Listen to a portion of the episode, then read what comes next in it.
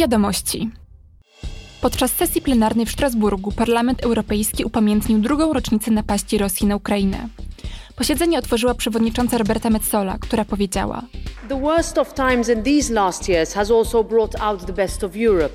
Najgorsze momenty ostatnich lat wydobyły również z Europy to, co najlepsze jedność i poczucie wspólnego celu. Ich szczytowym przejawem było przyznanie Ukrainie statusu państwa kandydującego. Więź z parlamentem Ukrainy zbudowaliśmy dosłownie pod ostrzałem.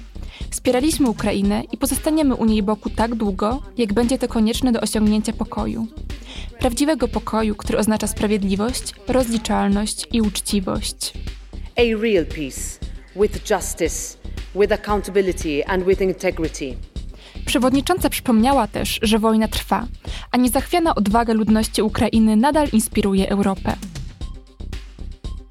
Wczoraj parlament zaakceptował zmiany długoterminowego budżetu Unii. Wcześniej odbyła się debata z komisarzem do spraw budżetu Johannesem Hanem i belgijskim sekretarzem stanu Mathieu Michelem, który reprezentował prezydencję Belgii w Radzie. Johannes Hahn opowiedział m.in. o nowej Platformie na rzecz Technologii Strategicznych dla Europy, która ma wspierać najważniejsze sektory przemysłu.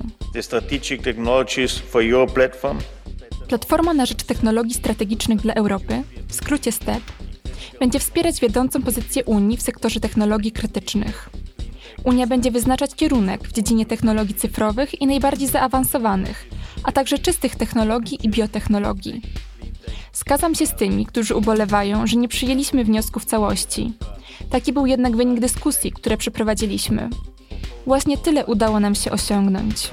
This was the outcome of the discussions we had, and this is what was achievable.